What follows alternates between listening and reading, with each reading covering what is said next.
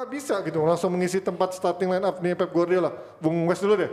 Yang lebih senior Iya katanya dia. dong, harus. yang, yang, yang biasanya yang muda dikasih duluan. Dari awal ya, kalau nggak salah ini pembicaraan tentang Jack Grealish sudah berbulan-bulan ya. sebelum sebelum Piala Eropa sudah disebut-sebut dia menjadi salah satu em, apa ya eh, buah buahnya transfer. Semua diomongin eh, kena pemain Inggris lagi-lagi berkali-kali kita katakan pemain Inggris itu overrated, gitu ya. Eh, posisi dia dalam posisi yang dipertanyakan iya karena Raheem Sterling insting gua Raheem Sterling itu sudah mulai dipinggirkan Oke. karena musim lalu pun perannya nggak terlalu besar lagi Iya. kemudian gaya bermainnya menurut gua kalau Pep Guardiola masih bermain dengan gaya yang sama musim ini kegagalan dia akan akan ada di depan mereka butuh Liga Champion Ya. dan gaya bermain uh, Raheem Sterling yang dari tahun ke tahun begitu-gitu aja mungkin butuh perubahan. Insting gue mengatakan Hmm. Butuh kalau ini jadi ya Raheem Sterling yang dipinggirkan. Karena kalaunya kalau dari posisi kan Mahrez otomatis kayaknya lebih sering di kanan gitu ya, lebih akan di Sterling yang head to head sama Grealish. Mahrez sudah menemukan posisinya di City. Betul. Karena setelah dia menjadi pemain super sub sebelum-sebelumnya, ketika diberikan posisi starting lineup di musim lalu, lihat kontribusi dia, peran dia dalam Ya. perubahan permainan, nyetak gol, gue dapat poin banyak banget dari Fantasy League. Main juga tuh Bung Wes ternyata. Gimana Bung Men kalau ngeliat ini kemungkinan Grealish mengisi line up apakah bisa menggeser? sih ngelihatnya justru ini bukan karena strategi ini. Ci. Ini karena kepentingan lain. Hmm. Apa Ada itu? faktor-faktor lain. Karena ya kita tahu lah pembelian dari Manchester City itu untuk yang non lini belakang jarang yang bisa langsung tune in ya. Ya. Dan itu butuh yang proses banyak dan kalau kita lihat ini kan pemecahan rekor yang dilakukan ketika Pogba di 2016 datang ke Manchester United. Jadi ada ada Ya. Gengsi. ada skenario terselubung Ji. Kalau gue melihatnya justru bukan karena kebutuhan strategi karena Hmm. sebenarnya ini justru akan ngacoin strategi yang udah ada Nah. Ji. Bukan memperkuat tapi akan memper memperhancur karena begitu banyak pemain bintang kan di posisi yang memang sudah sudah ada di sana Nah. gitu. Jadi ini yang yang yang, akan sulit nanti. Dia mau ditempatin di mana kalau kejadian tahun lalu nggak pernah terjadi lagi. Ferran Torres dan Foden pun bisa nggak main ada posisi cedera itu misalnya, kan. ya, Iya, kan? Nggak mungkin Pep Guardiola berani coba-coba di posisi dia. Misalnya ada satu kesempatan semuanya fit, Jack Grealish nih gue cobain. Ini Tapi- pemain lokal. Nggak ada, nggak ada lagi waktu coba-coba persaingan makanya. dengan City, dengan MU, dengan Liverpool. Liverpool. yang udah pulih lagi di belakangnya. Di Nggak bisa mana? coba-coba. Nah. Di Tapi mana gue nggak benar-benar, tapi gue ngelihat Sterling is over bagi gue. Overrated, iya.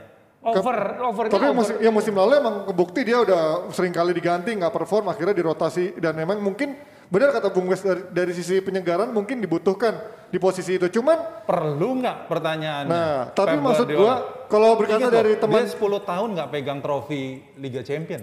ya Udah ya. cukup lama. Buncen dan juga City ya. triliun Ji, 61 triliun itu jadi apa tuh kalau misalnya kita dikasih Oke. 61 triliun? lima tahun ya. Ya lima tahun. Lima tahun Lima tahun City, 61 triliun. Mostly lini belakang. 440 juta pound ya. Iya. Belanja pemain. Mostly gede, lini belakang tanpa yang juara jadi. ya. Iya kan? Ini juga Lini tengahnya lumayan lah. lumayan lumayan. siapa pun ditaruh di di gelandang tengah jadi ke mana Jadi. sama Pep gitu ya. Bernardo, Akhirnya jadi Gundogan. membuat lini depan nggak terlalu Iya. penting. Ya. Tapi kalau kita ngomongin dari sisi eh, mungkin kalau kita geser sedikit, oke lah dia mungkin nggak ditaruh di wing, mungkin akan ditaruh sedikit lebih free roll agak ke, ke tengah gitu ya. Dan di sana ada sosok KDB yang katanya ini sama-sama punya chances created atau kreativitas eh, paling salah satu yang paling tinggi di Premier League musim lalu. Kalau ngomongin kreativitas kan pasti mau nggak mau bola akan lebih banyak ke orang itu. Nah mungkin nggak sih ibaratnya akan ada dua matahari di sana, dua pemain kreativitas. Kalau dulu kan berkata dari Inggris ya, Lampard Gerrard kayaknya akan sangat seram dibuktikan disandingkan. Inggris nothing gitu kan. cocok. Nggak cocok kan. Nah apakah dua orang ini, apalagi kalau kata teman kita Coach Jasin, Gri- eh, Grealish ini adalah skillful but no vision. Kalau melihat dari kemungkinan adanya KDB dan juga Grealish main bareng, mungkin nggak itu? Mungkin lah. Mungkin. Dari Grealish- sisi chemistry-nya. Kevin tetap di tengah. Tengah, Grealish main di depan. Grealish di kiri. Tapi ya pasti bakal ada yang menurunkan egonya dong, mau nggak mau. Kalau suruh suruh megang bola, Kevin De Bruyne jauh di atas Kevin. Grealish. Iya, Maaf makanya. ya gitu loh. Harga 100 juta kalau gue disuruh beli Jack Grealish atau Kevin De Bruyne, Hmm. ya gue beli Kevin De Bruyne. Nah, kalau Bung Men ngeliat kemungkinan ini, apalagi kan kalau um, Grealish ada tipikal dikasih bola, dia akan lari-lari-lari, bukan yang main cepat gitu kan. Ini seperti apa? Akan akan ada penurunan ego dari salah satu pemain. Satu doang kesempatannya dia bisa main. Sulit kalau bareng, kalau menurut gue ya. Hmm. Sulit kalau bareng Dengan karena Kevin De Bruyne. De Bruyne akan sangat sulit, tapi akan terjadi kalau De Bruyne cedera. Oke. Tapi kalaupun tidak, gue sih nggak yakin. Nih gini loh, ini Pep Guardiola nggak pernah ngelihat pemain yang backgroundnya bukan dari klub besar, belum pernah bermain di Eropa, langsung dia mainin. Nah pertanyaannya kan sekarang proses transfernya itu juga berhubungan dengan persiapan laga-laga uji coba. Dia butuh itu, Ji. Ya. Masalah ini nggak ada nih dia nih.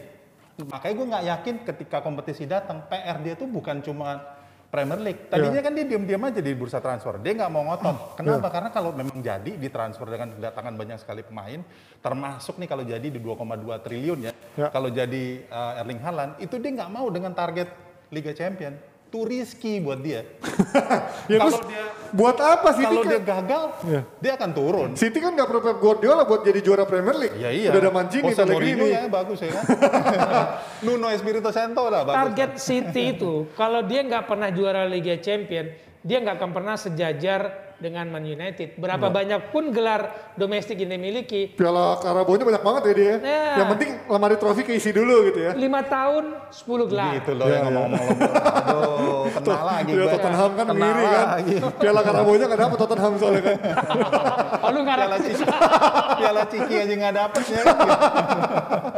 Nah ini kalau mungkin nggak eh, kemungkinan kedua adalah ketika musim lalu KDB cedera itu City kelihatan banget kehilangan sosok yang memang makernya lah. Ya. Nah kalau Grealish memang didatangkan untuk kemungkinan itu selain mungkin akan dicoba padu padan dengan dengan adanya KDB. Cuman ketika KDB nggak ada Grealish mengisi posisi itu apakah ini yang di skenario yang memang menjadi backup plan buat Pep Guardiola ketika amit-amit KDB cedera lagi Grealish bisa mengisi posisi dia. Gimana kalian melihatnya? harga 100 juta jadi Nggak mungkin backup ya? Nah. Kevin De Bruyne enggak. Itu nggak mungkin kan? Nggak mungkin. Boros banget lu. Gimana Bung Melo kata? Udah merchandise nggak laku gitu kan. Kalau lu taruh MU merchandise laku. Iya, ya kalau emang kenapa nggak laku bentar Bung Wes? Coba kenapa nggak laku? Coba sedikit diperjelas dong. Nggak ada nggak ada udah fansnya. ada, Gimana? ada. Bukan nggak ada fansnya, tapi loyalty fanatismenya. Ketika lu lihat tuh City juara Premier League, Eh, Nggak ada. lu nggak ulus dada ngeliat perayaan perayaan mereka di depan fansnya. Sepi banget.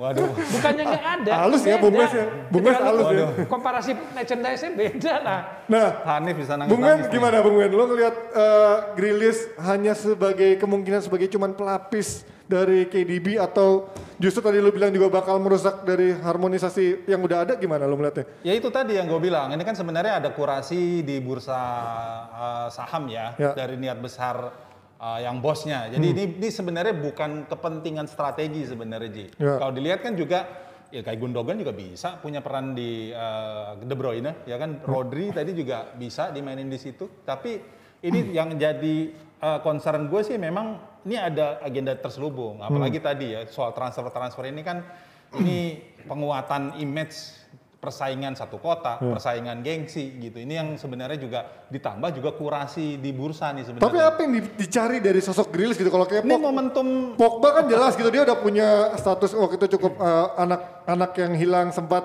sempat Euro. hilang tapi sukses Juve. momentum Euro biasa. Oh. Sebelum Euro kan nama dia naik juga. Iya Tapi sih. Tapi namanya sekarang, Bang. namanya lebih sering ke MU sebelum Euro Setahu kan. gua sebelum Euro harga dia 75 gitu. Iya, apalagi kan Tiba-tiba debutin. 100. Di Euro jadi cadangan aja tiba-tiba 100 Ah, ya. iya. Karena tadi yang pinter ada agennya. yang kompor-kompornya, ya agen-agennya salah satunya. Oke, kalau kita melihatin eh, dengan hadirnya Grealish, ya emang udah udah kata Fabrizio Romano udah udah ini ya udah dandil, tinggal detail-detailnya yang tinggal nunggu resmi.